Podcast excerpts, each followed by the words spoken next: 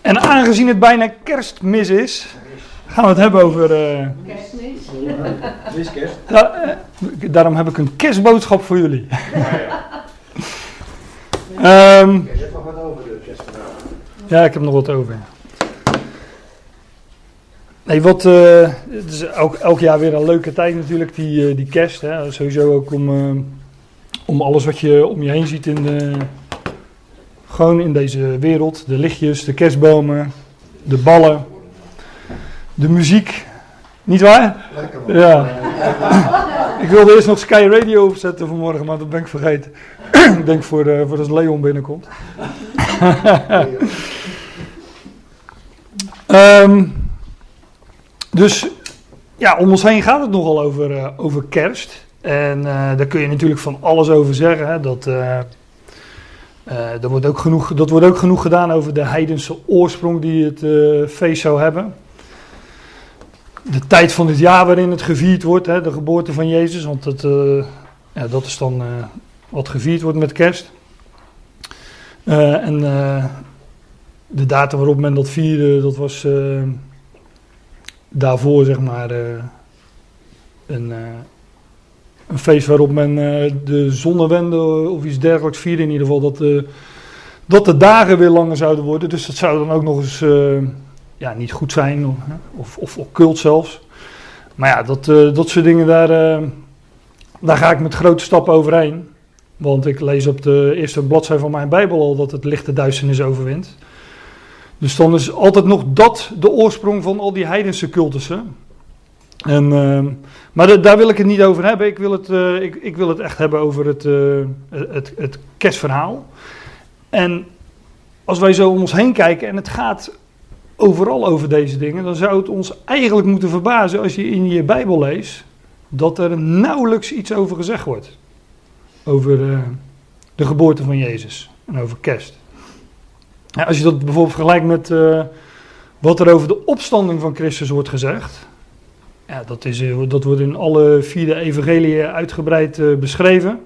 Ja, plus het hele Nieuwe Testament gaat daarover. Borduurt daarop voort en legt uit wat daar de consequenties van zijn. Want dat is het hart van het evangelie.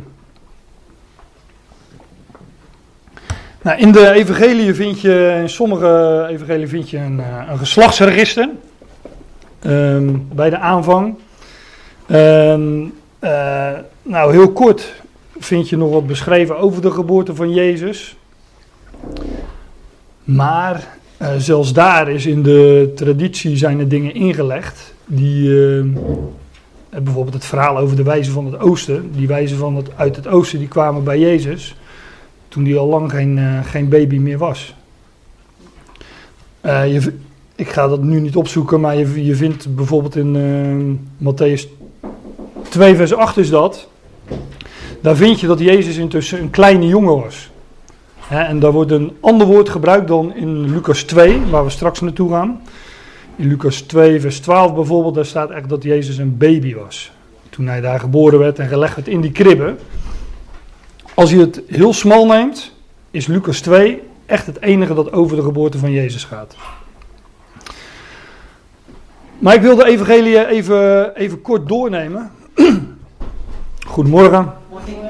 Ik wil de evangelie even kort doornemen, omdat we, zoals ik al zei, wel geslachtsregisters vinden in die evangelie. um, sommige evangelie wel en sommige niet.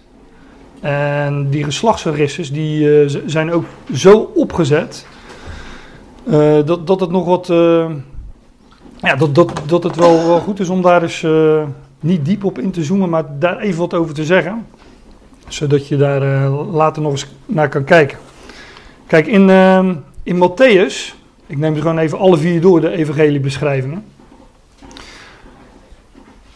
In Matthäus wordt Jezus gepresenteerd als de komende koning. Je vindt dus een geslachtsregister in Matthäus 1, waarin uh, ja, wat, je eigenlijk geen, wat eigenlijk geen geslachtsregister is, maar een lijst van troonopvolgers. En Jezus wordt daarin dan ook uh, benoemd als de zoon van David. Het koningshuis van David zou op de troon zitten. En hier in dit evangelie wordt de komende koning uh, wordt, wordt gepresenteerd. In Marcus wordt Jezus gepresenteerd als dienstknecht, sterker nog als slaaf. En daar vind je geen geslachtsregister. Want van een slaaf is het niet van belang wat zijn afkomst is. Een slaaf heeft een, uh, een taak, een slaaf is een lijfeigene. En in, Matthäus, uh, in Marcus wordt dus beschreven waarvoor de Heer Jezus gekomen was. En het begint direct bij de aanvang van zijn openbare optreden. Je vindt nog net iets over Johannes de Doper en dan meteen um, ja, vind je daar uh, de komst van de, van de Heer in zijn publieke optreden, zoals we dat noemen, of zijn openbare optreden. En toen was hij inmiddels al, uh, nou laten we zeggen, ongeveer 30 jaar. In Lucas vinden we Jezus als de zoon des mensen. Ik heb het ook maar zo neergezet. Uh, het is eigenlijk wel jammer dat het zo vertaald wordt. Eigenlijk uh, is die term is, uh, is een, een Hebreeuwse term, de Ben Adam. Dat betekent dat hij de erfgenaam, de zoon van Adam is. En dus vind je in Lucas, zoek het maar na, een geslachtsregister in Lucas 3 dat helemaal terugvoert, niet op David, niet op Abraham, maar op Adam. Hij is de erfgenaam van Adam. Weet je wel, Adam die, uh, waarvan gezegd werd dat hij uh, de dieren en de vissen zou onderwerpen. Enzovoort. Nou, daar is Adam niet toe gekomen, maar er is er één, namelijk de zoon, de erfgenaam van Adam, die dat wel zal gaan doen. Hij is erfgenaam van Adam, zoon van David, erfgenaam van David, en hij zal op de troon zitten. Maar niet op de troon, niet slechts op de troon van David voor het volk Israël, maar hij zal heel deze schepping onderwerpen als Ben Adam. Nou, dan nog Johannes, die is iets lastiger. Daar wordt Jezus gepresenteerd als zoon van God. Daar vind je dus ook nauwelijks een uh, geslachtsregister. In ieder geval geen, geen uh, geslachtsrekeningen van zijn menselijke oorsprong. Want hij is daar uh, de zoon van God. Dus voert het geslachtsregister, en ik maak deze vingerbewegingen om de tussen aanhalingstekens te zetten. Het geslachtsregister als, met, met als afkomst God. Namelijk, in het begin was het woord. En het woord was bij God of naar God toe. En het woord was God. En dan lees je in vers 14. En het woord is vlees geworden. Hij was in de beginnen bij God, hè, als, als woord, als. Ja, ik vind concept, concept altijd een. Uh, um, ja, wat banaal of, of oneerbiedig woord. Ik weet niet hoe, goed ik het moet zeggen. Ik werk op mijn werk ook met uh, concepten. Nou, die gaan meestal de prullenbak in. Maar een concept is wel een idee dat uitgewerkt wordt. En nou, Gods ideeën falen niet. Dus hij moet niet eerst een concept maken om een definitieve versie te maken. Zoals ik dat uh, meestal op mijn werk uh, doe. Maar God had een idee en dat, bestond, dat, dat, dat idee was nog geen vlees geworden. Maar dat idee was een concept. Dat was namelijk Gods logos, zijn woord. En dat was in de beginnen bij God. En dat woord, die logos, die werd vlees. En dat was hij. En zo wordt hij in uh, het eerste hoofdstuk van Johannes uh, beschreven. Als zoon van God die in het vlees kwam. Nou, daar ga ik natuurlijk heel snel doorheen. Want alleen over Johannes 1 al uh, zouden we. Ja, daar, zouden we daar, daar, valt heel veel over te zeggen natuurlijk. Dat zijn machtige woorden als, als, als, dat al tot je, zo tot je komt. Hè. In de beginnen was het woord en het woord was bij God en het woord was God. Of God was het woord. Nou ja, um, over de geboorte van Jezus vind je uh, dus eigenlijk alleen iets, over de beschrijving van de gebeurtenissen daaromheen, vind je eigenlijk alleen iets in Matthäus en Lucas. En Matthäus, daar blader ik dan even heen.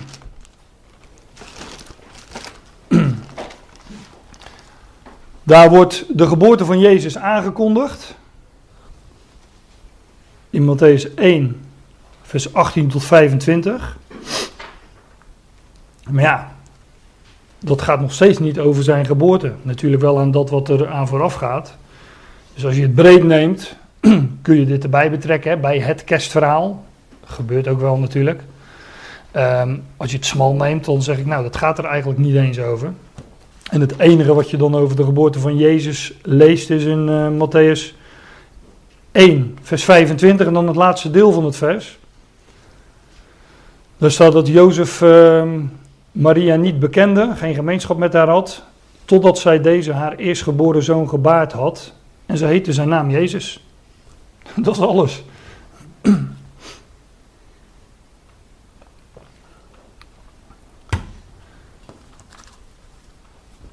En vervolgens gaat het over de wijzen, waarvan ik al zei, van nou die kwamen niet bij Jezus toen hij baby was, maar toen hij inmiddels al een, uh, een kleine jongen was. Hoe oud hij precies geweest is, uh, weet ik niet. Er zal nog geen twee jaar geweest zijn. Want we lezen verder in het hoofdstuk ook dat, uh, dat Herodes, hè, als het gaat over de kindermoord, dat hij alle kleine jongens van twee jaar en daaronder ombracht. Om er zeker van te zijn, zeker van te zijn, dat hij, uh, dat hij ook die aangekondigde koning der Joden, waarvan de wijzen de ster hadden gezien, dat hij die ook gedood zou hebben. Nou, we weten dat het anders is gelopen, want ze waren, Jozef, Maria en Jezus waren inmiddels gevlucht naar uh, Egypte. Dat lees je allemaal in Matthäus 2. Maar Jezus was daar geen baby meer. Dus uh, sec kun je ook dat niet uh, tot het kerstverhaal rekenen. Dat betekent dus eigenlijk dat je, als je het heel smal neemt, alleen Lucas 2 uh, over hebt. Ja, en dan dat halve vers in Matthäus 1. Dus uh, daar gaan we maar eens naartoe, naar Lucas 2.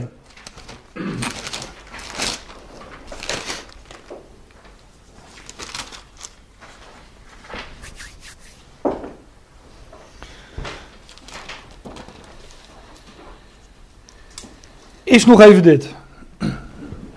Uh, in Lucas uh, 1 lees je die hele geschiedenis met Zacharias en Elisabeth, die, uh, die ook uh, onvruchtbaar waren, geen kinderen hadden. En bij wie ook een kindje wordt aangekondigd. En dat is dan Johannes de Doper, de wegbereider van de Heer Jezus, zo noemde hij zichzelf. Um, en je leest vervolgens nog dat Maria, als zij zwanger is, een ontmoeting heeft met Elisabeth. Hè, dat het kindje opspringt uh, in haar buik. Ja, ik veronderstel het allemaal maar uh, als bekend. En zo niet, ja, dan heb je heel de week nog uh, om dat even door te lezen. Het is nog geen kerst. het is nog geen kerstmis. en dan vinden we een lofzang van Maria, een lofzang van Zacharia, de geboorte van Johannes de Doper. En dan komen we aan in Lucas 2. Maar voordat we Lucas 2 gaan lezen, voordat we Lucas 2 gaan lezen, wil ik even naar onze geliefde broeder Paulus. Um, want die, uh, die heeft veel te zeggen, dat, dat, dat weten we. Maar Paulus doet een hele bijzondere uitspraak over de Heer Jezus in het vlees. En daar wil ik even op focussen voordat we Lucas 2 gaan lezen. Want we kunnen natuurlijk Lucas 2 gaan lezen. En uh, net zoals iedereen dat doet heel oppervlakkig. Maar ik wil onder de oppervlakte gaan kijken. Ik wil werkelijk gaan onderzoeken van waar gaat dit over. En daar heb ik een, uh, een reden voor. En de reden is dat Paulus dit zegt. Hij zegt eerst in de voorgaande versen dat één voor allen stierf. En dus zijn allen gestorven. Hij zegt daarmee die hele oude schepping, het vlees, is door God weggedaan. Hè? En dat staat hier ook in het vers, wanneer wij dit oordelen, dat indien één voor allen stierf, allen dus stierven.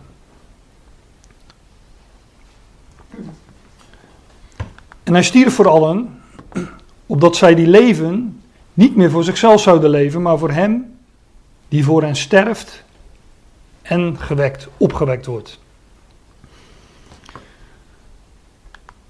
Zodat wij van nu aan niemand kennen naar het vlees.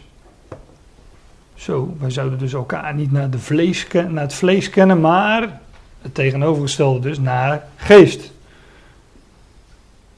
Wij zouden elkaar zien zoals God ons ziet. Want God ziet ons zo. God ziet ons volmaakt in Christus. God ziet ons nu zoals wij straks zijn zullen.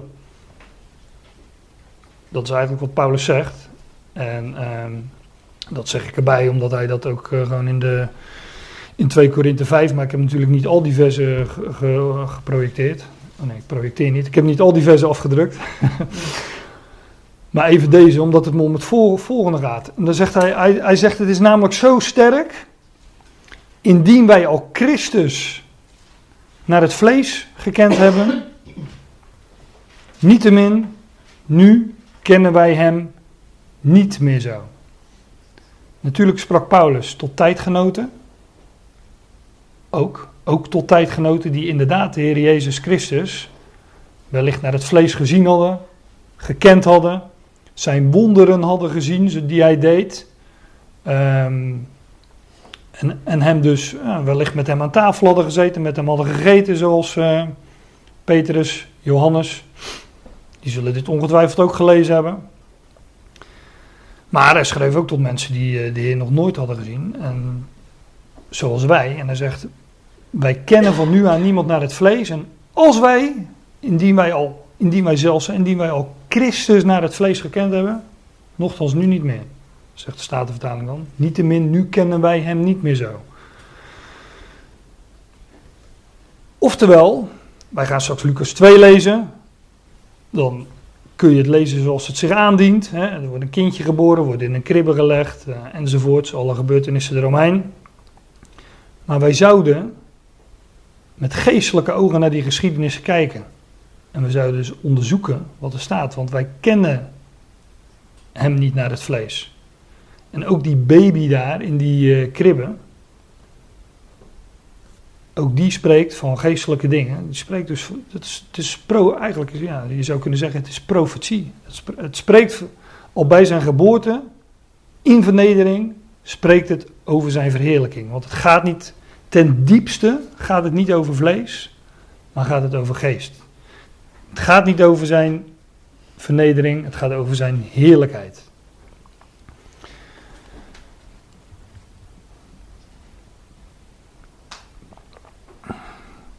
Het gaat, wij kennen, wij kennen hè, om dat woord van Paulus dan ook te gebruiken, wij kennen, wij hebben geen gemeenschap met een kindje in de kribbe. Wij kennen hem niet naar het vlees.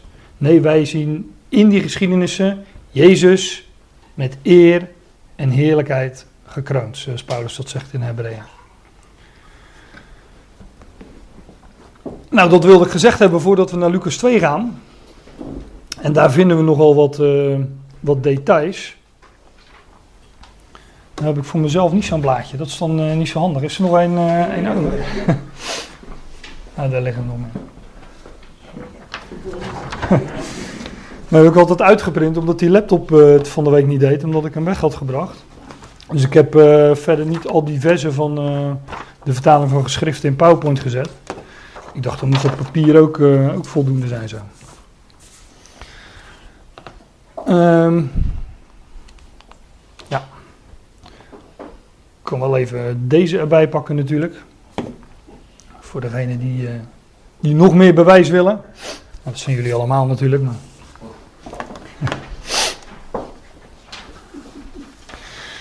Lucas 2, daar vind je dus uh, de geboorte van Jezus Christus beschreven. Dat staat er uh, boven in mijn, in mijn Bijbel.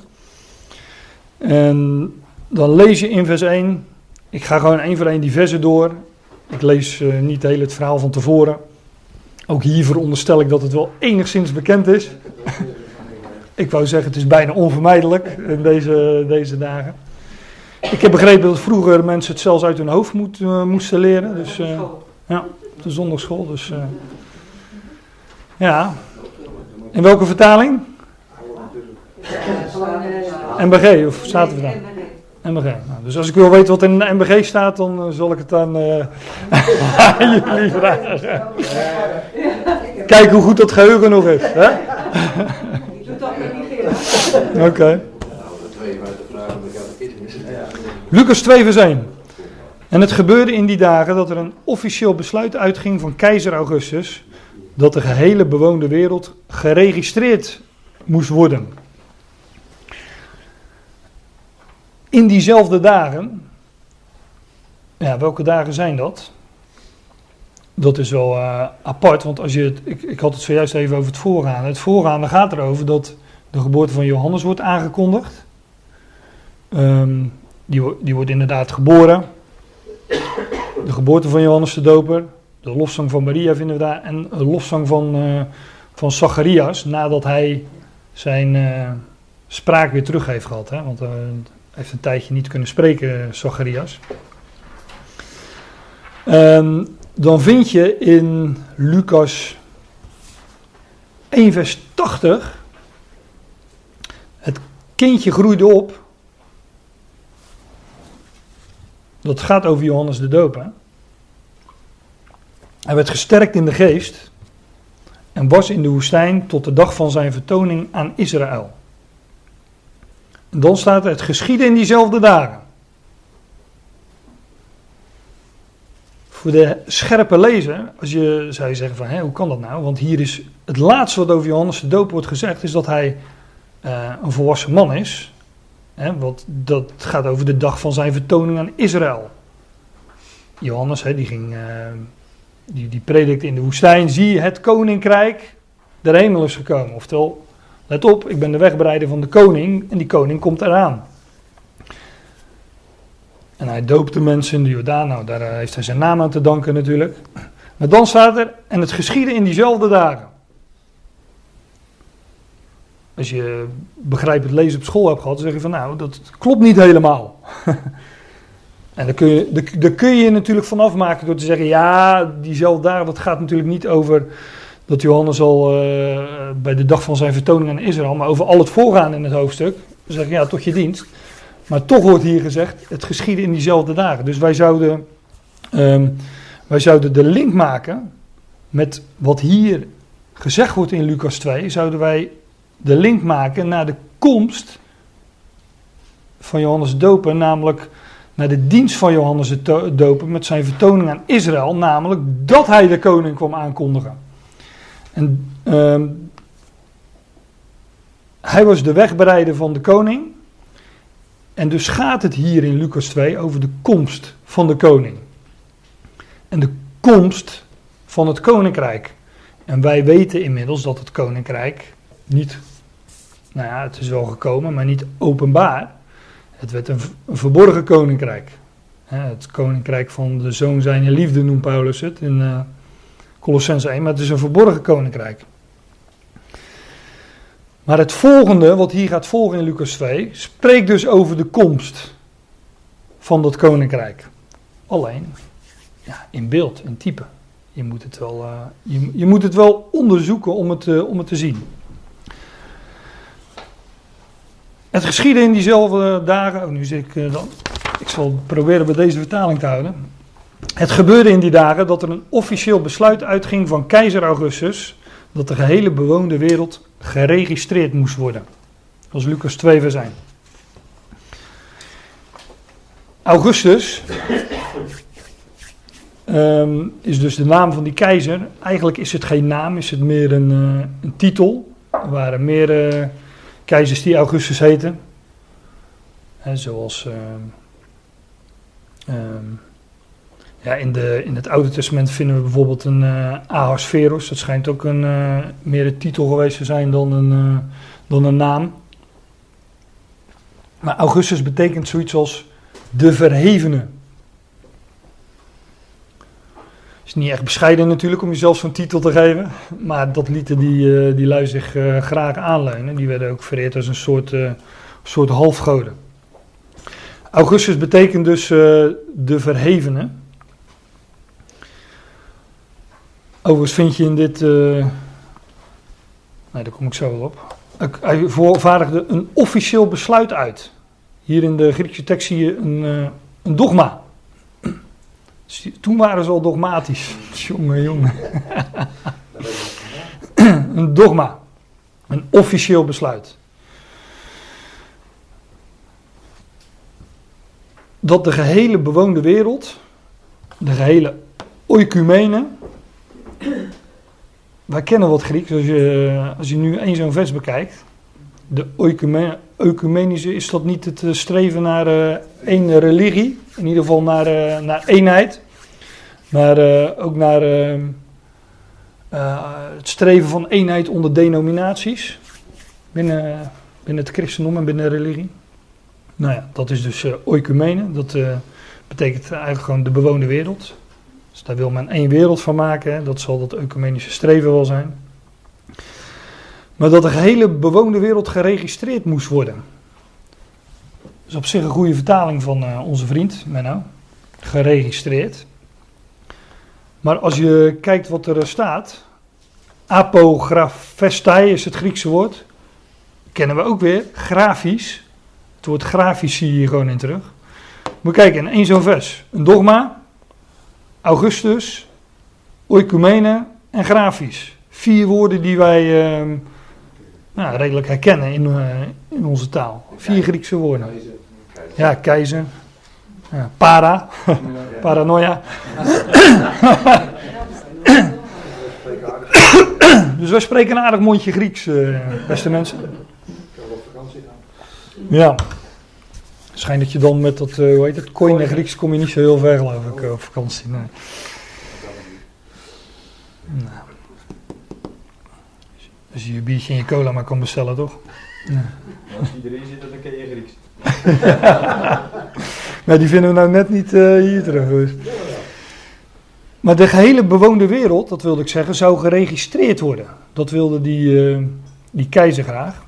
En dat woord, dat graaf, of eh, hoe dan ook, hè, dat met grafisch, waar ons woord grafisch van afgeleid is, dat heeft met schrijven te maken. En daarom de Statenvertaling heeft beschrijven. Dat vind ik een goede vertaling. Diezelfde dagen ging er een gebod uit van de keizer Augustus dat de gehele wereld beschreven zou worden. Dat is namelijk ook het idee. Ze zouden inderdaad geregistreerd worden. Ze zouden opgeschreven worden. Zodat die, eh, die man, die, eh, die keizer, zijn onderdanen kon tellen. En daar dus eh, als uitbeelding van macht, macht uitoefenen. Iets wat eh, David eh, zeer kwalijk werd genomen. En ehm, nou ja, dat zou hij, eh, dat zou hij dus, dat wilde hij doen. Hij wilde de wereld beschrijven, opschrijven, registreren. En dan lees je in vers 2, deze eerste registratie gebeurde toen Quirinius gouverneur was van Syrië. Ik heb geen, geen flauw idee wat eh Cyrenius of Quirinius betekent. Ik heb een, boek met, eh, waarin Bijbelse namen genoemd worden. En daar eh, zeggen ze van, nou dat is ook niet zeker. Misschien is het dit, misschien is het dat. Dus daar kun je niet zoveel mee. Maar Syrië weet ik wel. Dat betekent ook zoiets als hoog of verheven. Syrië, Aram wordt het ook wel genoemd in de Bijbel. Betekent ook zoiets als hoog of verheven. Dus het is nogal een, eh, een, verheven, een verheven zaak, hè? een verheven keizer. Die, eh, dat, en het gebeurde ten tijde van, eh, van, van, van eh, toen Sirenius of Quirinius over Syrië stadhouder was. Dat heeft dus allemaal met hoog en verheven te maken. Nou, als het gaat over de toekomst en de komst van het koninkrijk, en dan vinden we daar een figuur. Iemand die zich verheft, een verhevene. Net zoals die keizer Augustus. Want Paulus zegt in 2 Thessalonicense 2: Laat niemand jullie misleiden. Op geen welke wijze? Op geen enkele wijze dacht ik dat het moet zijn, maar die kijken we na. Laat niemand jullie misleiden op geen enkele wijze, want eerst moet de afstandneming komen. En de mens van de wetteloosheid onthuld worden. De zoon van de vernietiging. Zoon van het verderf heeft de Statenvertaling, geloof ik. Maar in de eindtijd, om dat dan even zo te noemen, zal er een figuur op staan. Die de Bijbel noemt de mens van de wetteloosheid. En die Thessalonicenzen die, eh, die waren al bang dat ze in die tijd leefden. En Paulus zegt, nou, daar moeten eerst wat dingen voor gebeuren. Wat er allemaal nog moest, moet eh, gebeuren, daar hebben we het nu niet over. Ik, ik wil nu erop wijzen dat in de eindtijd een mens van de wetteloosheid geopenbaard of onthuld zal worden. De zoon van het verderf of de zoon van de vernietiging. De tegenstrever, let op, die zich verheft. tegen alles wat God of voorwerp van eerbiedige verering heet, zodat hij in de tempel van God gaat zitten om te demonstreren dat hij een God is. Dus in die eindtijd zal er ook een figuur zijn die zich verheft, ook in Augustus, ook een verhevende, die zich verheft tegen alles wat God of voorwerp van eerbiedige verering heet. Nou, daar is die Augustus een, eh, een type van. Uh, in ieder geval uh, vind je zijn, uh, zijn naam hier beschreven aan, aan het begin van die gebeurtenis in, in Lucas 2. Maar wat gaat die figuur in de eindtijd doen? Deze keizer Augustus gaat, wilde heel de, de wereld beschrijven, wilde heel deze wereld registreren. Maar iets dergelijks lees je ook van die mens van de wetteloosheid. In openbaring namelijk, in openbaring 13. Het maakt dat dan allen, de kleine en de grote, gaat niet over lichaamslengte natuurlijk, maar over, uh, over status, maatschappelijke status. De kleine en de grote, dat wil zeggen iedereen. Jantje modaal en uh, de belangrijke mensen, zeg maar. Ja. Het maakt dat aan allen, de kleinen en de grote, de rijken en de armen, de vrijen en de slaven, een merkteken gegeven wordt. Op een rechterhand of op een voorhoofd. Zodat ook niemand kan kopen of verkopen behalve zij die het merkteken van het wilde dier, van het beest hebben, of zijn naam of het getal van zijn naam. In die eindtijd zal het dus een, uh, in openbaring 2 gaat het zelfs over, over twee beesten. Een beest uit de zee en een beest uit de aarde. Ja, wat die verschillen tussen zijn, dat, uh, daar hebben we het de andere keer wel weer eens over. Maar wat die figuur gaat doen, die gaat de hele wereld beschrijven, registreren, een merkteken geven aan hoofd, voorhoofd of aan, uh, aan rechterhand om het economische verkeer te, te reguleren, dat ieder die dat merkteken niet heeft, niet aan dat economische verkeer deel kan nemen. Nou, dat is heel wat. Het heeft verschrikkelijke consequenties natuurlijk als je erover nadenkt.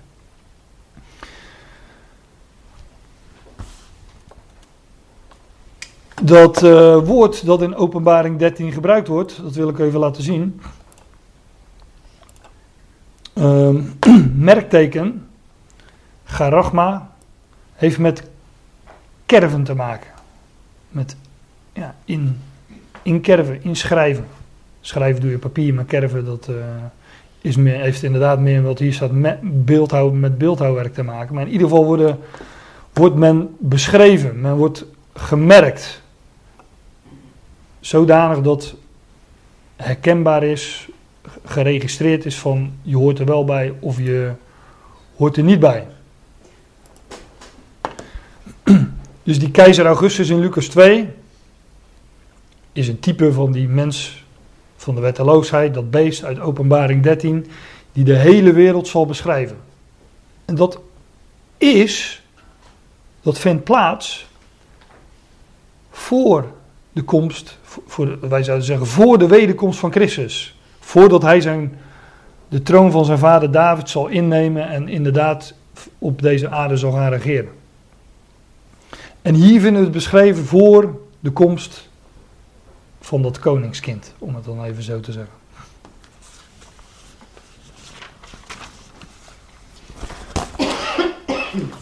Vers 3. En zij gingen allen om zich te laten registreren, ieder naar zijn eigen stad. Ook Jozef ging omhoog, vanaf Galilea, vanuit de stad Nazareth, naar Judea, naar de stad van David die Bethlehem heet, omdat hij uit het huis en de afstamming van David was. Um, op de kaart, die had ik geloof ik. Op de kaart ziet dat er zo uit. Hij ging van, uh, van Galilea. Hier dus. Vanuit de stad Nazareth, dat zie je hier. Ik weet niet of jullie het zien, maar ik zie het. Vanuit de stad Nazareth naar Judea. Dat ligt hier. Om, nou, hij ging naar het stadje Bethlehem. Dat vinden we hier. Toen was de muis weer weg natuurlijk. Dat vinden we hier. Omdat hij uit het huis en de afstamming van David was. Op de kaart gaat, gaat, gaan ze dus naar beneden, van Galilea naar Judea. Eh, maar dat is voor het oog, want als het lezen staat er letterlijk, en Jozef ging omhoog. Nu is het natuurlijk zo dat, dat als je richting Jeruzalem gaat inderdaad, dan, eh, dan loop je omhoog.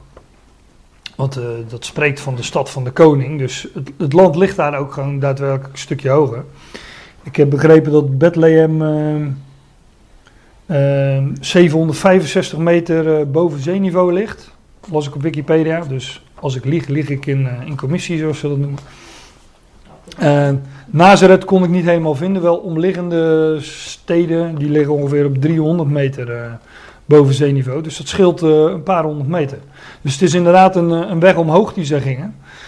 Ehm, maar het spreekt ook van verhoging.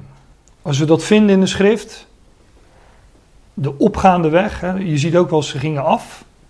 Dan spreekt het of van, eh, van, van, dan spreekt het van vernedering. Soms van de, de Heer Jezus dat hij, dat hij afging. Ehm, maar soms ook van, van andere mensen. En dan spreekt het over vernedering of... eh, ja. In ieder geval dat omhoog gaan, dat spreekt van, eh, van verhoging en van heerlijkheid. Ik zeg dat niet om dat nu uitgebreid toe te lichten, maar kom je tegen, dan zou je er wel even aan moeten denken. Neem bijvoorbeeld eh, de gelijkenis van de barmhartige Samaritaan, dat is een, een dankbaar voorbeeld daarvan. Ehm, daar was dus iemand die liep de verkeerde kant op. Die ging van Jeruzalem naar Jericho, want dat is naar beneden. En die Samaritaan die zal wel de andere kant hebben opgelopen, van Jericho naar Jeruzalem. Die, eh, want dat, die Samaritaan is namelijk een beeld van Christus. En degene die daar in rovershanden viel, dat, nou ja, dat zijn, eh, zijn jullie en ik, om het zo te zeggen. En die daar half dood bleven liggen en door, door die Samaritaan opgericht werden. Dus Jericho, die stad ligt laag en Jeruzalem ligt, eh, ligt hoog. Maar het gaat hier niet over Jericho, dus we gaan snel verder. Ehm, hij kwam uit het huis en de afstamming of het geslacht van David. Dat zei ik al. Kijk, vaak wordt Jozef voorgesteld als een uh, Jozef en Maria als twee hele arme mensjes. En uh, ja, toevallig had God die uh, uitgekozen.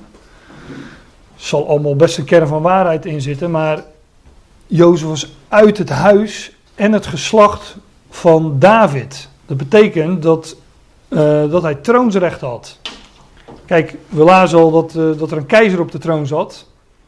Maar als die Romeinse overheersing daar niet was geweest, dan had gewoon het koningshuis van David geregeerd. En dan had Jozef op de troon gezeten.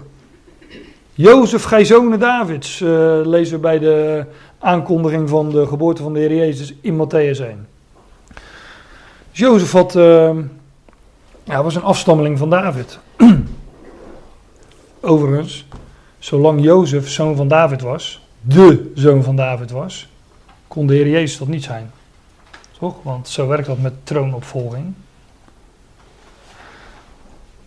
Dus het zou ons ook niet moeten verbazen als we bij het publieke optreden van de Heer Jezus, waar hij dus gepresenteerd wordt als de komende koning en de zoon van David, dat we daar niets meer lezen van Jozef. Die zal wel overleden zijn op dat moment. Sterker nog, ik denk dat hij het zelf wist. Dat zijn, als zijn zoon de komende koning was en de zoon van David, nou, dan zat er maar één ding op: dat Jozef uh, van het toneel zou verdwijnen. voordat zijn zoon daadwerkelijk aanspraak kon maken op die troonsrechten. Maar daar mag u zelf eens over nadenken. Volgens mij had ik nog een. Uh, ja, ik zei het al even, maar een boodschapper, een engel van de Heer verscheen in uh, Matthäus 1, vers 20. In een droom. In een droomtoestand. Hè, want Jozef, die droomt altijd. ja. Welke Jozef? Ja, weet ik veel, dat maakt niet uit. Noem ze maar. Ze dromen ook nog uh, twee keer meestal. Ja, lees Matthäus 1 maar na. De, Jozef droomt. Er staat zelfs een vers, ja, ik heb het nu niet voor me liggen, ik zoek het niet op. En Jozef uh, droomde in Egypte. Nou, als je alleen dat vers zou hebben, dan zou je toch denken dat het over die Jozef uit Genesis gaat. Maar we zouden die, ook die verbanden leggen. Uh, Jozef heette niet voor niks Jozef. We zouden ook verbanden leggen tussen de ene Jozef en de, en de andere Jozef. Een boodschapper, een engel van de Heer, verscheen aan hem in een droomtoestand en hij zegt: Jozef, zoon van David, wees niet bevreesd om Maria, jouw vrouw, mee te nemen. Want wat in haar verwekt is, is vanuit Heilige Geest. Ik ga verder, want de tijd gaat ook door. Um, Jozef ging op. Uh,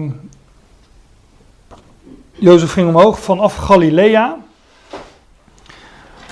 En Galilea betekent zoiets als uh, omkeren, omdraaien, rollen. Ja, grafstenen die wegrollen bijvoorbeeld. Het heeft uh, alles met dat woord Gilgal te maken. We hebben het hier uh, een aantal keren over de geschiedenis in het boek Jozua gehad. Gilgal. Gilgal, zeg ik het heel kort. Gilgal staat voor die omwenteling, wedergeboorte, een nieuwe cyclus. En Gilgal was de plaats van waaruit het volk Israël het beloofde land innam. Ze keerden telkens terug naar Gilgal en vanuit Gilgal zetten ze een volgende stap. Want God had gezegd, overal waar jullie je voet op zetten, dat is voor jullie. Maar ze leefden vanuit die wedergeboorte, om het dan zo te zeggen. En ze wandelden vanuit die basis. Vanuit Gilgal. Dus Gilgal heeft daar alles mee te maken. Met nieuw leven dus ook. Um, ja, we hebben hier nog wel plaatsnamen. Vanuit de stad Nazareth. Nazareth betekent zoiets als geheiligd, afgezonderd. Vergelijk het woord uh, Nazoreer, Nazorener of Nazireër. Die kennen we ook hè, in de Bijbel. Simpson, ook als type van, uh, van de Heer Jezus, maar ook hij was apart gezet. Met een taak en een uh, dienst vanaf zijn geboorte al.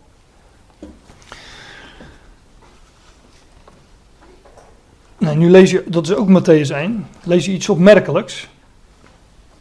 Dit gaat over de Heer Jezus helemaal aan het einde van Matthäus 1. Daar staat, en hij komt daar en hij woont in een stad genaamd Nazareth. Let op.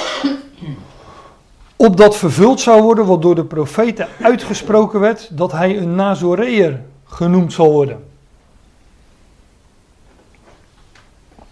Oh, wordt hij Nazoreër genoemd door de profeten? Nou, leuk. Lezen we verder in Matthäus 3.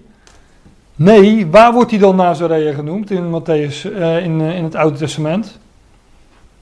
Nou, dat uh, vind je niet makkelijk terug.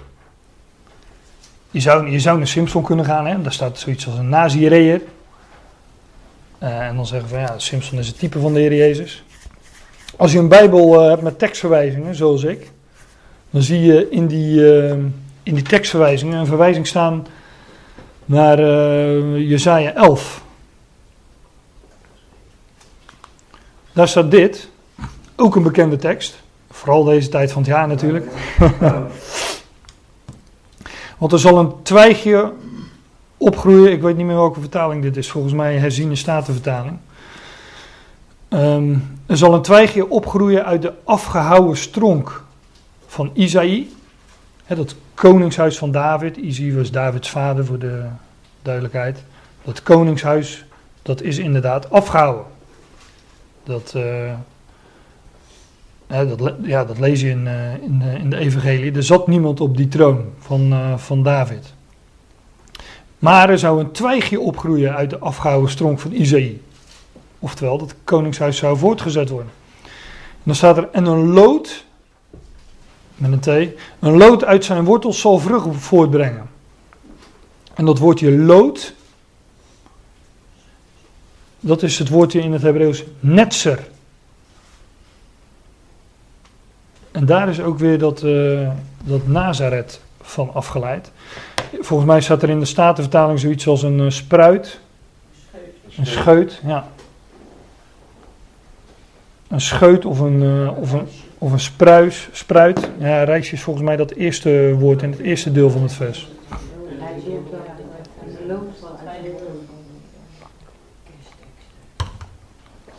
Maar uit die afgehouden stronk van Isaïe, uit die. ja, dat is wel. Uh, die moeten vaker uh, uitnodigen. Houd een beetje orde, orde in de zaal. Ja. uit die afgehouden stronk van Isaïe, uit dat koningshuis van David, dat afgehouden, daar zou een, uh, een spruit of een scheut uit voortkomen. En dat is de Christus. dat wordt hier voorzegd in door de profeet uh, Jezaja. Nou, en uh, hij zou daar in de stad Nazareth gaan wonen, opdat dat vervuld zou worden. Dat hij een netzer, een net, of een netzoreer, of hoe je het ook zegt, opdat, opdat hij zo genoemd zou worden. Dus daar heeft Nazareth alles mee te maken, met die spruit, met die scheut, dat nieuwe leven. Ik moet wel een beetje doorgaan, zie ik. Um, Judea, dat is de volgende plaatsnaam uh, in vers 4. Ook Jozef ging omhoog vanaf Galilea, vanuit de stad Nazareth naar Judea. Uh, Judea betekent geloofd of geprezen. Heeft met lof te maken. In vers 13 van Lucas 2, dus in je Bijbel of op dat papier, staat dat er een uh, hemelse legermacht was die God lofprijst. Nou, als we in vers 13 uh, aangekomen zijn, zal ik vertellen dat dat over, uh, over zijn verheerlijking uh, spreekt. Daar komen we wel. Hè. Um, een menigte van hemelse legers, van een hemelse legermacht die God lofprijst. Naar Judea, naar de stad van David die Bethlehem heet. Bethlehem, huis van het brood, de Jozef, uh, de Jozef uit Genesis, uit Genesis, die deelde ook brood uit, hè, koren, aan de hele wereld. Ik denk, ja, we hadden het net al over Jozef, dus... Uh. Maar de zoon van Jozef, het brood des levens, wordt hij in Johannes genoemd, zal in de toekomst uit de stad van David brood, namelijk woord, voedsel, leven, uitdelen aan de volkeren heel deze aarde zal uh, gezegend worden. Dat was al aan Abraham beloofd. Maar dat zal hij vervullen. Die stad van David is hier Bethlehem. En in vers 11 is dat ook Bethlehem. Dat zijn de enige twee keren in heel de schrift dat de stad van David Bethlehem is. Alle andere keren is het Jeruzalem, tuurlijk. De stad van de koning. De stad van David is heel schrift, dat is echt tientallen keren. De hele schrift staat, er in de stad Davids. Het welke is Jeruzalem of Sion, maar dat is uh, een, uh, een, berg uh, in Jeruzalem. Dus de hele schrift door is het Jeruzalem en hier is de stad Davids is Bethlehem. Ja, er zal natuurlijk wel een geschiedkundige oorsprong aan de grondslag liggen. Maar wij worden hier ook gewoon verwezen naar Jeruzalem, doordat dit gezegd wordt. Namelijk, het is de stad van de grote koning. Jeruzalem, daar zou de troon van David staan. Het zal in de toekomst, en we kunnen nu al zeggen de nabije toekomst, zal het de hoofdstad van het koninkrijk van de Messias zijn. Het koninkrijk van de Messias zal als hoofdstad Jeruzalem hebben. Nou, Bethlehem is hier op, op zijn uh, minst gewoon een type van Jeruzalem, omdat het de stad Davids genoemd wordt. Nu heb je in vers, uh, vers 4 al die plaatsnamen. Um, ja, kun je afvragen waarom worden die genoemd? Nou, dus je zou gewoon de betekenis van al die dingen op een rijtje zetten. En dan weet je waar het van spreekt. uh, je al die betekenissen optellen. Galilea, Nazareth, Judea, stad van David, Jeruzalem, wedergeboorte, die cirkel, nieuwe cyclus, afgezonderd, netser, spruit, geloofd, geprezen. Huis van het brood, Jeruzalem. Het spreekt allemaal van zijn komst straks in heerlijkheid. Als je één naam mist, dan heb je er altijd nog een, eh, een paar andere. ja, het is gewoon een kwestie van het op een rijtje zetten en uh, die, uh, die betekenissen naast elkaar zetten. Jozef ging omhoog. En dat heeft ook met verhoging te maken. Jozef ging omhoog vanaf Galilea, vanuit de stad Nazareth naar Judea, naar de stad van David die Bethlehem heet, omdat hij uit het huis en de afstamming van David was. Om zich te laten registreren samen met Maria, zijn in ondertrouw gegeven vrouw, die hoogzwanger was.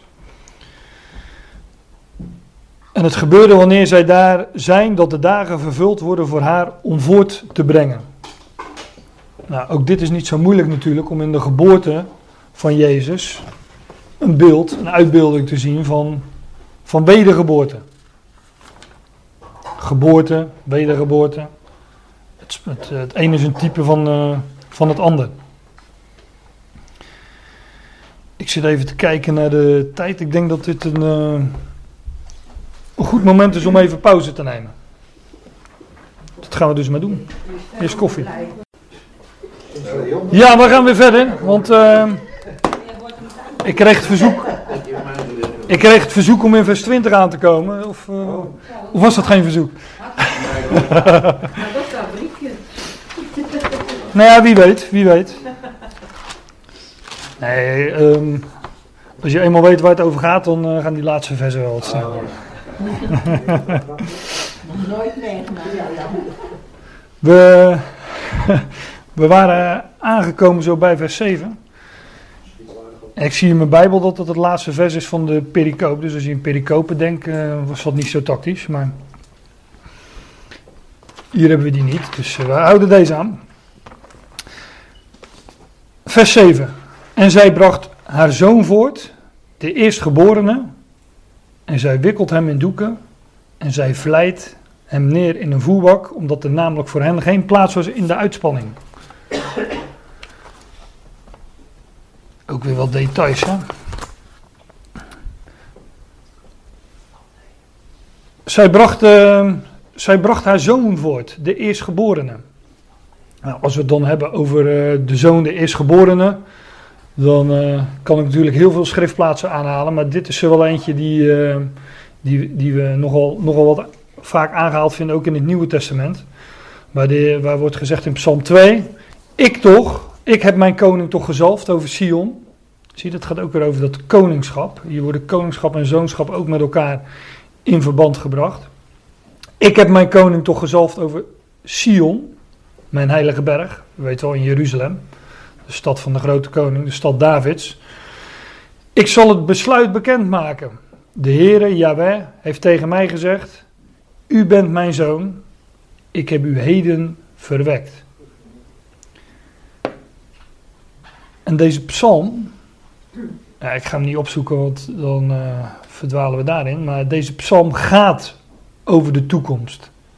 IJs voor mij staat daar en ik zal de heidenen geven tot, uh, tot uw erfdeel. Enzovoort. Het, het, gaat ook over de tijd waarin de volkeren zich zullen verzamelen tegen, uh, tegen de, hoe staat het er? Ja, tegen God en zijn Messias. Tegen, tegen, tegen de Heer en zijn gezalfde. Ja.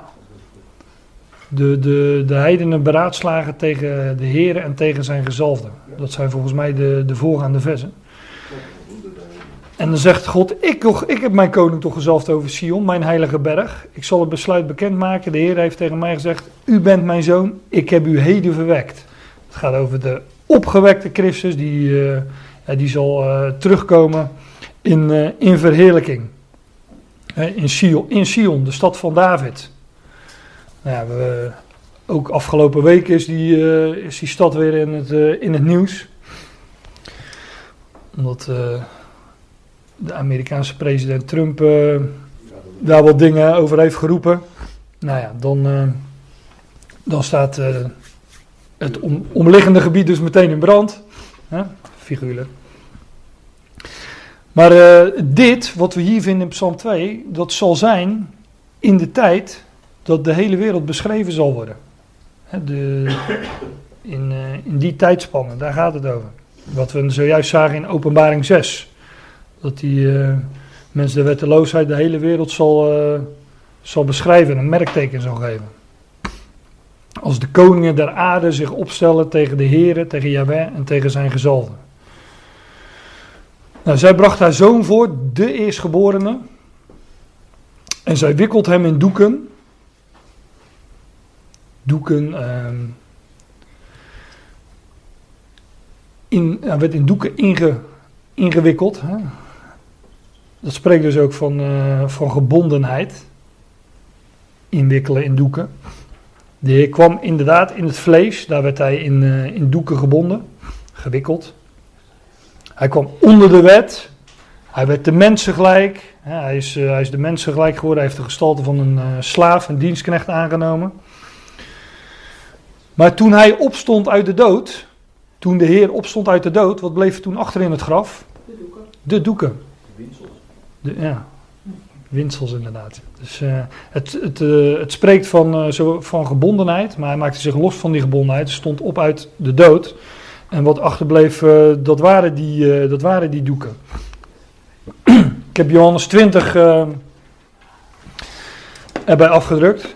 En hij, dat is Johannes, meen ik, hij bukt om te kijken en hij kijkt naar de linnen winsels die daar liggen.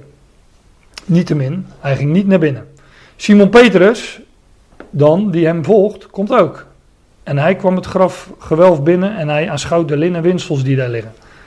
En de zweedoek die op zijn hoofd was, ligt niet bij de linnen winsels, maar er los van opgerold op een andere plaats. Valt ook veel over te zeggen qua, qua typologie, maar dat ga ik nu even niet doen. Dat doen we een andere keer alweer. Maar dit, eh, dit, dit is de enige keer, dit zijn de enige keren, meen ik, maar als jullie nog andere keren weten of vinden, dan eh, hoor ik dat wel. Dat er gesproken wordt over doeken, meervoud. Het zijn de enige twee keren, of winsels, maar linnen winsels, ja, dat zijn eh, doeken.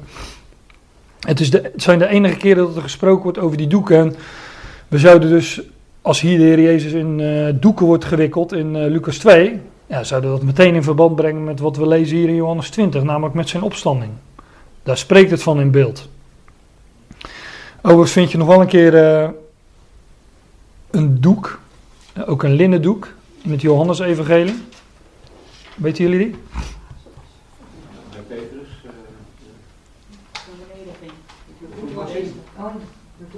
eh. Ja, de voetwassing inderdaad. Daar staat,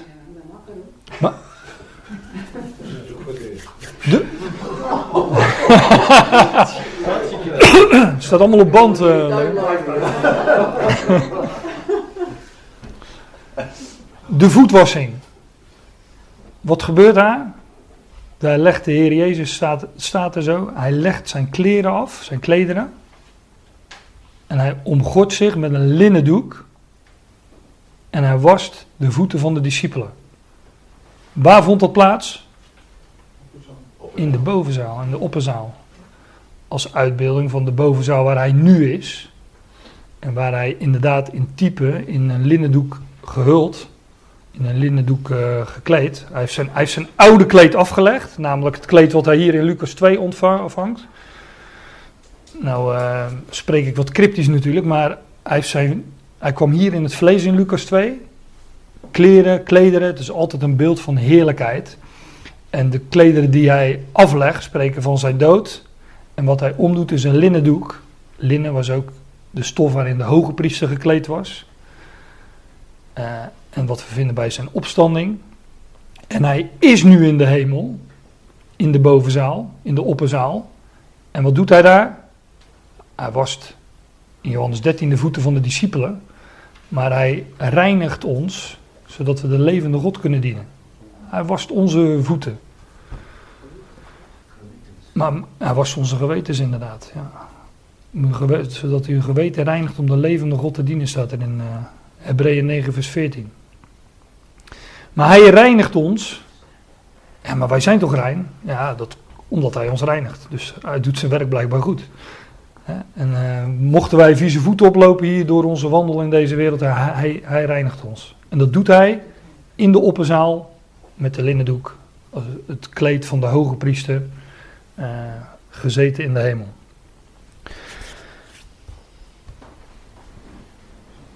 Hij bracht voort haar zoon, de eerstgeborene, ze wikkelt hem in doeken en ze vlijt. Als ik zo'n oud Nederlands woord tegenkom, denk ik altijd van, oh, staat dat er echt zo, vleien? Ja, vleien, wat het ook wezen mag natuurlijk. Zal eh, zoiets als neerleggen zijn.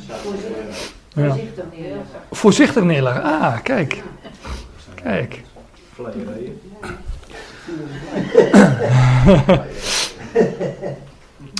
Ze vlijt, ze legt hem voorzichtig neer in een kribbe of in een voerbak.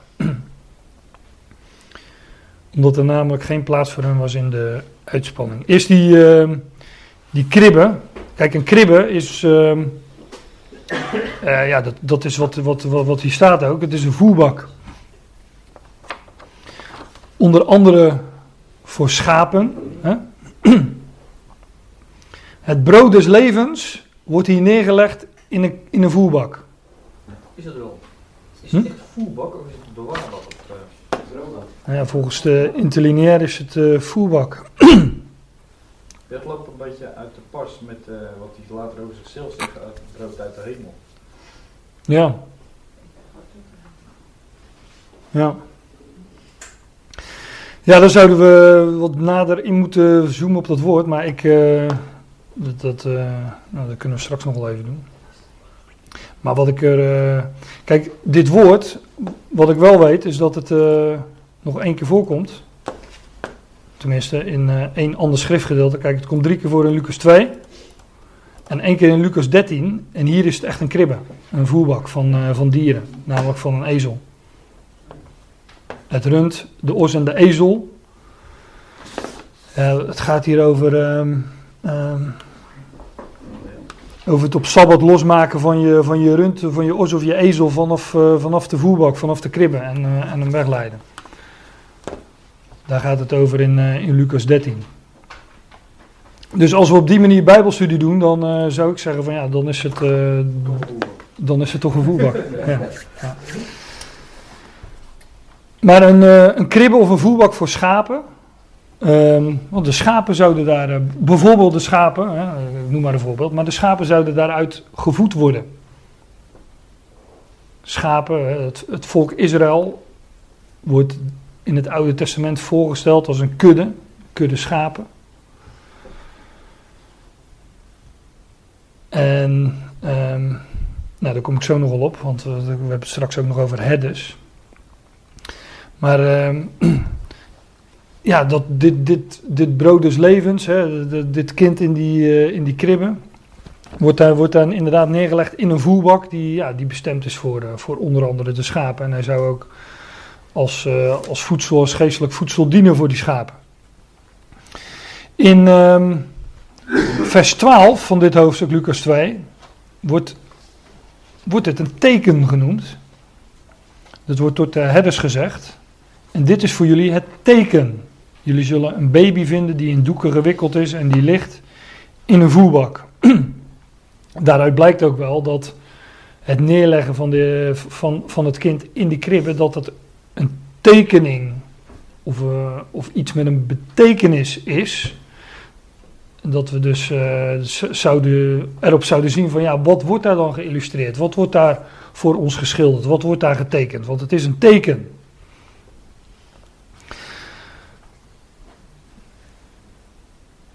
Ik ga nog even verder, want op die, op die schapen en die herders kom ik, eh, kom ik straks nog op.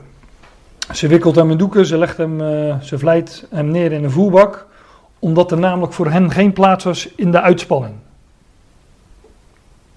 In de herberg, zegt de Statenvertaling. Iedereen die uit Barendrecht komt weet wat de uitspanning is. Ik kwam er wel eens, was natuurlijk voor mijn bekering. Nee, we zijn een tijdje terug nog geweest, ja. Zelfs na mijn bekering nog. eh, ja, ja,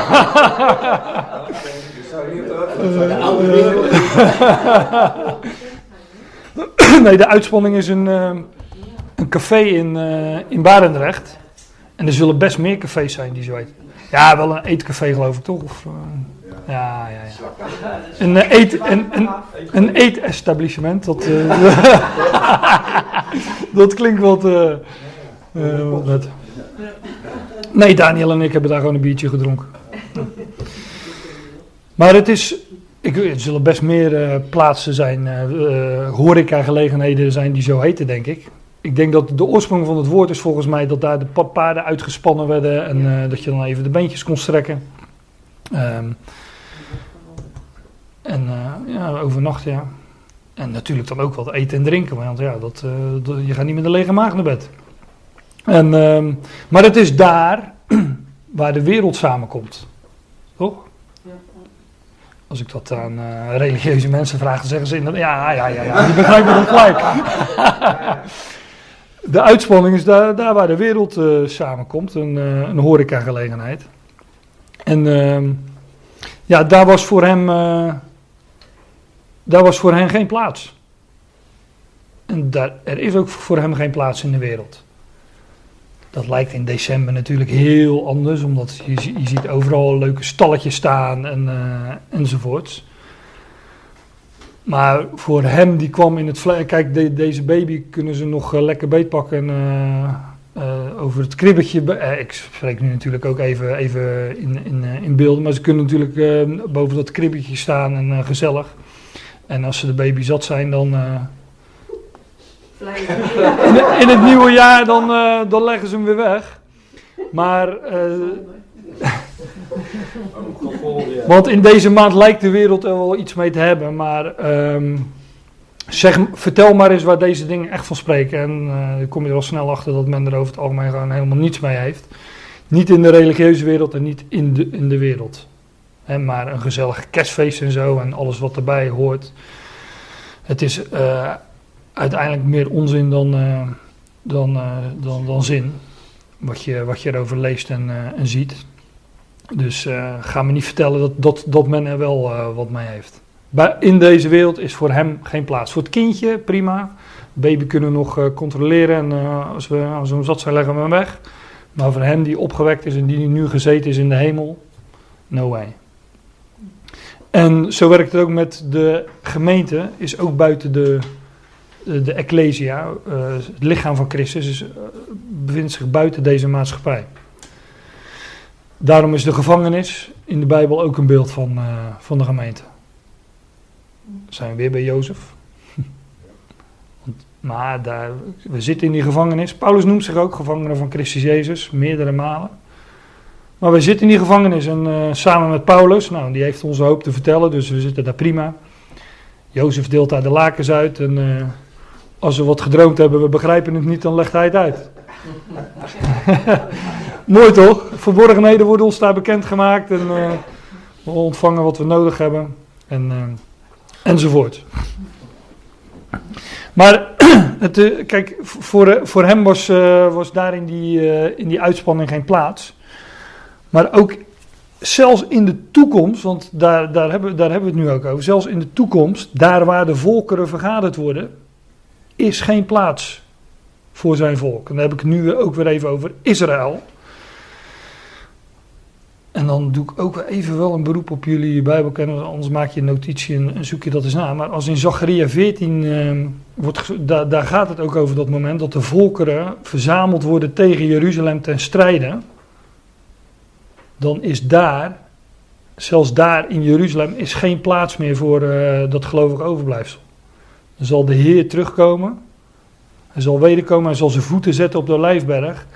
En die olijfberg zal scheuren. Dus er zal een vluchtweg gecreëerd worden voor dat gelovig overblijfsel. En die zullen buiten het land, zullen ze verzameld worden. Buiten het land. En die stad, Jeruzalem, die daarna de stad van de grote koning zal worden weliswaar, die zal volkomen verwoest worden. Dus zelfs in die toekomst zal het zo zijn dat daar geen plaats is voor zijn, eh, voor zijn volk. En de naties zullen optrekken naar, dat, eh, naar die stad. En eh, het volk zal buiten het land verzameld worden. Dus, en ik had het net over schapen. Maar ze zullen verzameld worden in Bosra. En dat betekent schaapskooi. Dus de schapen zullen buiten het land verzameld worden in Bosra, in de schaapskooi.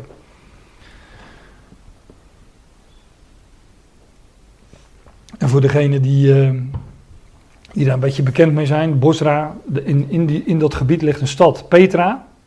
En dat is een stad omgeven door bergen en rotsen. Een stad uitgehouwen in de rotsen. En dat is, lijkt wel een schaapskooi. Daar wordt, daar wordt dat volk, dat gelovig overblijfsel, in verzameld. En dat ligt in het huidige Jordanië. Dus echt buiten het land, in de woestijn. En dan zullen ze misschien wel brood uit de hemel ontvangen. Man. Ja, manna. Of, eh, of misschien zal de Ecclesia er nog wel een rol in spelen. Om ze van eh, voedsel te voorzien. Want eh, zij zullen daar gevoed worden 1260 dagen. maar voor dat principe dat er geen plaats is in de maatschappij. dat, dat, dat,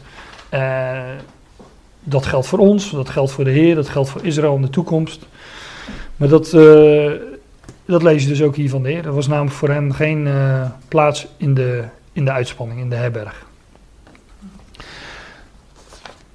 Nou, we kunnen nog wel even naar de heddetjes. Want zo heten ze dan altijd in december, hè? de heddetjes. Die lagen bij nachten, dus eh, daar komen we op. Er waren herders in diezelfde landstreek die in de veldschaapskooi zijn. Ja. En die s'nachts de nachtwaker onderhouden over hun kudde. De herders, dit is de enige keer waar, waarvan ik het weet, in het Nieuwe Testament, dat hier herders letterlijk herders zijn. Je komt de hele Bijbel kom je door. Kijk, je hebt natuurlijk zoveel letterlijke herders. David was een herder.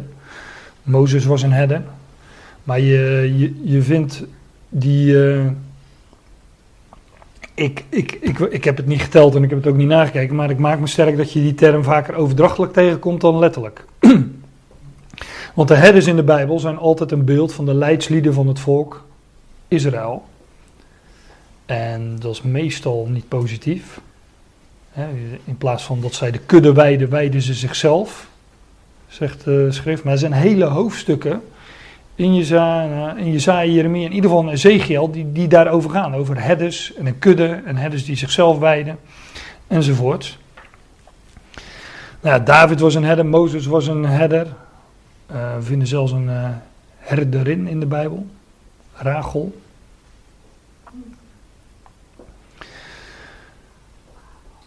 Rachel, de herderin, die. eh, overigens, Rachel, de herderin, die, die beviel.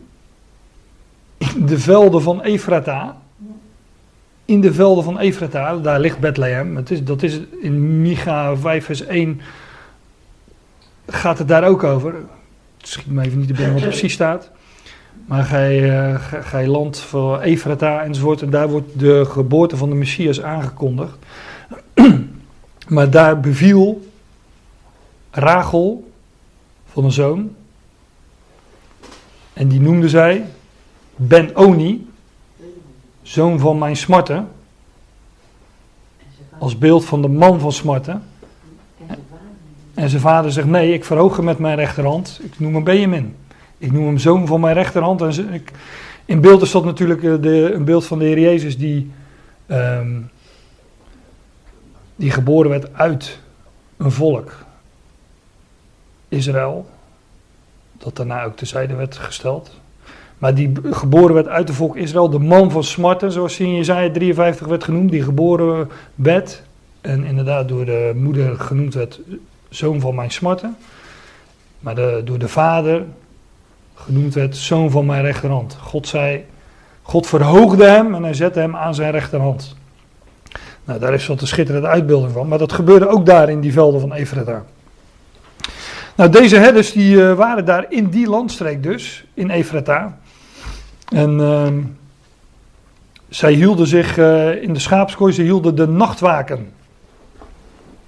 De nachtwacht, hè. Maar dat is een, het, het zijn herders. Dit keer geen herders die zichzelf wijden maar herders die die waakten. Zij waren waakzaam in de nacht. Nou, als je mij vraagt, is dat een beeld van het gelovig overblijfsel van Israël. Daar kennen we niet zo heel veel eh, voorbeelden van. van herders die waakten in de nacht. Maar eentje is, eh, dat is de mooiste denk ik, is Nicodemus. Die in de nacht tot de Heer kwam. En die inderdaad wel waakzaam was. Ook al had hij ook niet alles begrepen. Maar eh, hij kwam wel degelijk tot de Heer. Zo zijn een beeld van, de, van het gelovige overblijfsel van Israël, van de leiders, de, de gelovige leiders in die dagen van het volk Israël. Want de kudde, dat is Israël, de schaapskudde. En neem waar en zie, een boodschapper van de Heer stond bij hen en de heerlijkheid van God omstraalt hen en ze werden bevreesd met grote vrees. Ja, een boodschapper van de Heer, ehm, zo, zou je, zo zou je Christus ook kunnen noemen, hè, als, eh, als de boodschapper van de Heer. En de heerlijkheid van God, hè, de heerlijkheid des Heren, ja, dat, dat, dat is ook een, eh, in ieder geval in beeld een, eh, een uitbeelding van, eh, van Christus. Dus beide dingen spreken hier, denk ik, van hem. Zij vreesden met grote vrezen. En ik geloof dat ook dit een beeld is van, van zijn wederkomst. In Hosea 5 lezen, daar zegt de Heer, ik ga een keer terug naar mijn woonplaats, totdat zij zich schuldig weten en mijn aangezicht zoeken. In hun vrees of in hun benauwdheid zullen zij mij ernstig zoeken. En die herders hier, die vrezen met grote vrezen. Deze gebeurtenis, eh, dat zij in benauwdheid hem zullen zoeken. Over dat moment gaat het ook in Zacharia 14, wat ik zojuist aanhaalde, en in, eh, in Joel 2. Maar dan zullen zij de naam des Heren aanroepen en dan zal hij, eh, dan zal hij verschijnen. En de boodschapper zei tegen hen, vers 10. Vrees niet, want neem maar, ik breng jullie een goed bericht van grote vreugde, die voor geheel het volk zal zijn. Ik moet dan toch denken aan de woorden van Paulus. En alzo zal geheel Israël zalig worden. Romein eh, 11, vers 25, 26. Vrees niet, want neem maar of zie, ik breng jullie een goed bericht van grote vreugde die voor heel, geheel het volk zal zijn. Want vandaag werd voor jullie de redder voortgebracht, namelijk Christus de Heer, in de stad van David. En dit is voor jullie het teken. Jullie zullen een baby vinden die in doeken gewikkeld is en die ligt in een voerbak. nou ja, ik denk dat we het daar wel eh, genoeg, o- genoeg over gehad hebben. Het kind in de voerbak en waar dat een, eh, een uitbeelding van is. En dan lezen we plotseling kwam er, vers 13. Plotseling kwam er samen met de boodschapper een menigte van een hemelse legermacht. Die God lofprijst en die zegt: Heerlijkheid aan God, te midden van de hoogste en op aarde vrede, te midden van de mensen welbehagen.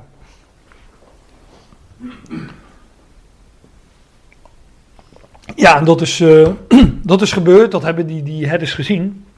Maar wij, wij nemen een blik naar de toekomst in deze geschiedenis. We zien waar het profetisch over spreekt. En ook dit is een, eh, hoe noem je dat, een preview van, eh, van de toekomst.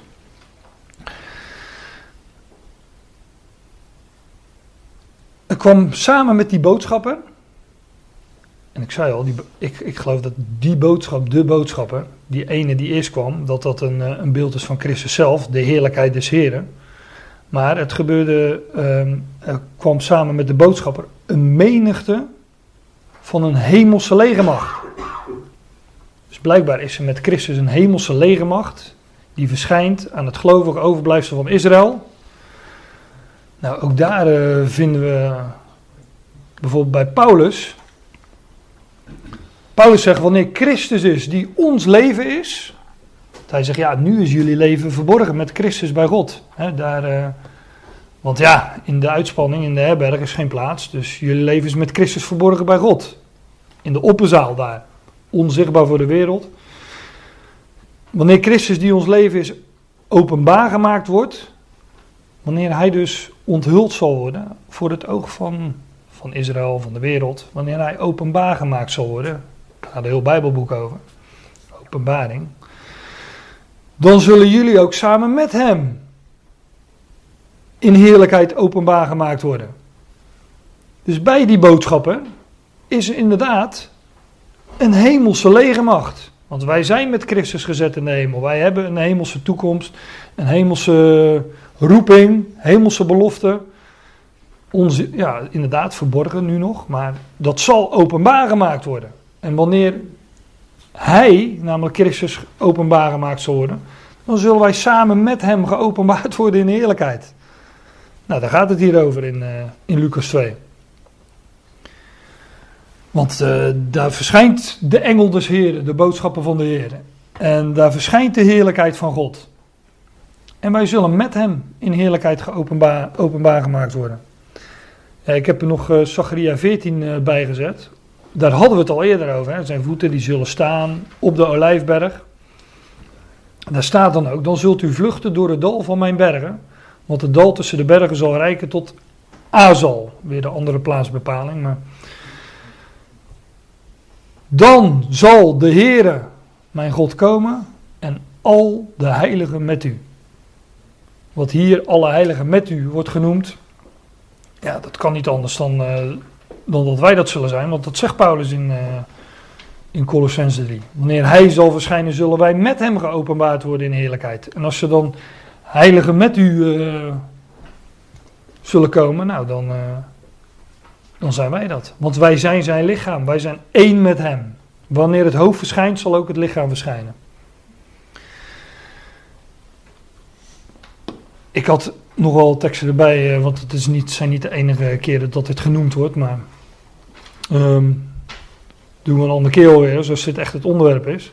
Maar het staat bijvoorbeeld ook in 1 Thessalonicense 4, waar gesproken wordt over de wegrukking. Als wij zullen worden verzameld tot hem, als lichaam en hoofd zullen worden samengebracht en wij, wij weggerukt zullen worden, dan staat er als laatste, voor mij is vers 17 of 18 van het hoofdstuk, laatste vers, alzo zullen wij altijd samen met de Heer zijn. Dat betekent dat als Hij verschijnt, wij verschijnen. Als Hij geopenbaard wordt in heerlijkheid, zullen wij geopenbaard worden in heerlijkheid. Zoals Paulus in Colossense 3 zegt, en zoals hier staat, als, als hij komt, nou, dan zullen dat al de heiligen met u zijn.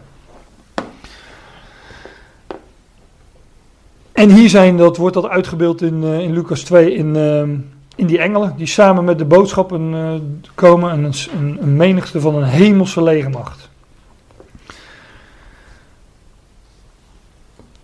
Ja, en die zeggen dan, daar hebben we nog een lied aan te danken. Hè? Vers 14. Heerlijkheid, hè, ere zij God, heerlijkheid aan God, te midden van de hoogste. Dat zal in de toekomst ook vanaf het moment dat wij samen met de Heer zullen zijn, dat zal ook het moment zijn waar, uh, waarop Satan uit de hemel wordt geworpen. Dan zal er ook heerlijkheid zijn in de hoogste, namelijk in de hemel. Dan is Satan daar weg en dan hebben, we, hebben wij onze plaats ingenomen. Wij erin, Satan eruit. En dan zal ook, wat hier in het vervolg van het vers staat, heerlijkheid aan God te midden van de hoogste en op aarde vrede. Want dan zal, zal de vrede gevestigd gaan worden op de aarde. Beginnend in de stad van David, daar uh, bij, vlakbij Bethlehem, want het is maar een kilometer of acht uh, bij elkaar vandaan. Uh. Maar dan zal inderdaad we noemen dat ook wel het, uh, het duizendjarig vrederijk. Dat is geloof ik een term van uh, Johan de Heer. Het is geen term rechtstreeks ontleend aan de schrift, maar er zal wel vrede gevestigd gaan worden. Dus dan zal heerlijkheid in de hoogste zijn. Er zal de, en op aarde ja, zal ook die vrede gevestigd gaan worden. In de mensen een welbehagen of in mensen welbehagen. Hoe je dat nou precies zou vertalen, dat daar ben ik nog niet helemaal uit. Te midden van de mensen welbehagen. Ik heb ook wel eens iemand horen zeggen dat het zoiets betekent als in mensen in wie jij welbehagen heeft. Maar zo diep, uh, zo diep ben ik er niet uit uh, ingedoken. Die bewaren voor de kerstdagen. Uh, hebben, we ook nog, hebben we ook nog wat te doen. en het gebeurde, vers 15, toen de boodschappers, de engelen, van hen weggingen naar de hemel, dat de herders tot elkaar spraken. Laten wij daadwerkelijk doorgaan naar Bethlehem en dat wij deze uitspraak zullen waarnemen wat er is gebeurd, wat de Heer aan ons bekend maakt.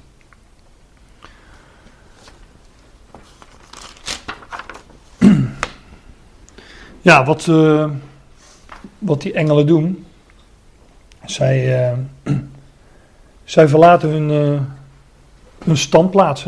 Ga uit uw land en uit uw maatschap en uit uw vaders huis naar een naar een land dat ik u wijzen zal. Nou, dat is dus ook zo'n principe wat je de hele schrift eh, doorvindt. En wat ik al zei, in de toekomst, bij zijn wederkomst, zal dat ook gebeuren. Dan zal Israël dat land moeten verlaten, uit hun land en uit hun maagschap en uit hun vaders huis gaan naar het buitenland. Daar zullen ze verzameld worden. En zij gingen en ze haasten zich, vers 16, en ze vonden Maria en Jozef en de baby die in de voerbak ligt. En zij nemen dit waar en ze maken de uitspraak bekend die tot hen gesproken wordt over de kleine jongen. Hier staat wel eerst baby en dan kleine jongen. Ja? Ja, dat is scherp voor jou. Ja, even kijken, welk vers is dat? Vers 16 en dan vers 17, kleine jongen. Baby, kleine jongen. Ja, Kinderen. Ja, Ja. De maar ja, het is wel twee keer een ander woord inderdaad. Ja, Een kleine jongen. Zoeken we op de ja, ja. Ja, toch wel apart. Ja, dat is wel apart. Toch? Ja, ja. Ja, dat is-. Op een wijze zijn. ja. Wel de, deze, Een kleine hè, jongen. dus ja, dat verwijst ook wel weer terug. denk ik. Ja, En ze hadden zich gehaast ergens. Ze zijn allemaal baby geweest. ja. ja. Nou, daar eh, gaan we ons in. eh. Die kind. Ja, heb je het lijstje bijgehouden? Of, eh, ja, ja, ja. ja, ze gingen, ze haasten zich, ze vonden Maria, Jozef en de baby die in de voerbak ligt. Ja, dat is waar. Daar staat twee keer kinderen. Ja. in de Statenvertaling. Nou, dan lees je vervolgens, want ik, ik lees het eh, even, even af. Ehm, alle die het horen, vers 18, verwonderen zich over, deze, over de dingen die door de herders tot hen gesproken worden. Maar Maria bewaarde al deze uitspraken goed en zij overlegde die in haar hart. En de herders keren terug en zij verheerlijken en lofprijzen God om alle dingen die zij horen en waarnemen, namen, zoals er tot hen gesproken wordt, werd.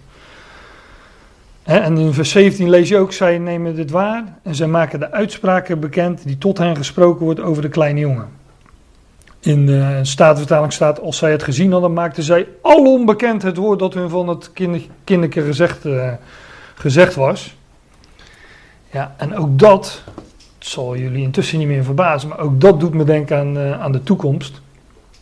Petrus zegt bijvoorbeeld over Israël, Jullie zijn een uitverkoren ras, uitverkoren geslacht, een koninklijk priesterdom, een heilige natie, een volk tot verwerving. Om wijd en zijd, let op, om wijd en zijd de deugden te berichten van hem die jullie uit de duisternis roept tot zijn wonderbaar licht. Die herders, die waren geroepen uit de duisternis, toch? Ze hielden de nachtwacht over hun kudde, de nachtwaken. En wat ze zagen was de heerlijkheid van God en engelen, namelijk zijn wonderbaar licht. En de, hè, er staat ook de heerlijkheid des uh, Heren, de heerlijkheid van God omscheen hen. Nou, dat, dat, dat is licht. Ik denk, uh, kijk, in de toekomst zal dat ook een, uh, een selectie uit Israël zijn, 144.000, die wijd en zij de deugden zullen verkondigen van hem die, die hen geroepen heeft. En ik denk dat dat hier ook uitgebeeld wordt door die herders. Dat geloof ik overblijfsel uit Israël, een selectie uit Israël. Um, in de toekomst uh, zullen het 144.000 zijn, die ook door uh, God geroepen worden en zullen verzegeld worden. En hier zijn het herders die, terwijl ze de nachtwaken hielden over hun kudde, werden geroepen tot zijn wonderbaar licht.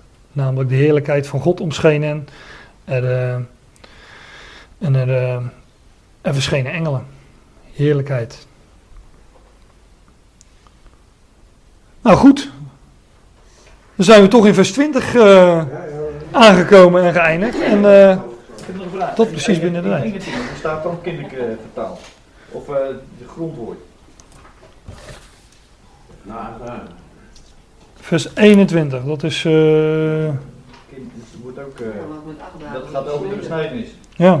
Is een beetje van zeker dat er Zo nieuwsgierig. Oh, ja. Hier wordt het woord kind helemaal niet gebruikt in de grondtekst, zie ik. Nee. Nee? Nee. Oh, ik heb hier ook doorstrepen nog. Ja, krassen we door. Ik weet ook niet, eh, ik- dat kan, kan ik nog wel even doen. We zijn nu toch bezig. Ehm, dat is eh, Lucas 2 vers 21. hè.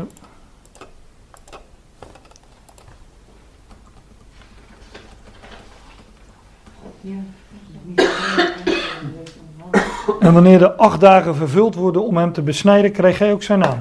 Jezus. Die door de boodschappen genoemd wordt voordat hij in de buikholte wordt bevrucht. Dus ja, het woord kind komt hier niet, eh, niet voor in de, in de grondtekst. Dus dat blijft nog even een verborgenheid. eh. maar daarover eh, gaan we het een andere keer hebben. Want het is eh, intussen de hoogste tijd geworden. Ik sluit af met deze woorden. Ook Lucas 2. Simeon en Anna. Kunnen we het een andere kerst nog eens over hebben. Simeon zegt daar. Hij zei zoiets als van: Nou, heer, u mag me nu wegnemen. Aan hem was beloofd dat hij eh, de Christus zien zou voordat hij zou sterven. Want mijn ogen namen uw redding waar, zegt hij dan. Die u gereed maakt voor het aangezicht van al de volken. Licht tot onthulling voor de natie en heerlijkheid voor uw volk Israël. Nou, in dat licht mogen we wandelen. En eh, prima als je. Ik heb geen plek voor een kerstboom, anders kan ik hier niet zitten natuurlijk. maar prima als je, kerstboom, als je lichtjes in je huis hangt en, en in de kerstboom, als je maar weet waar het echt van spreekt. Licht tot onthulling voor de natie en eh, zijn heerlijkheid inderdaad. En dat is niet het kindje in de kribbe, maar dat is de opgewekte Christus. In de hemel, die ook eens geopenbaard zal worden. En wij met hem.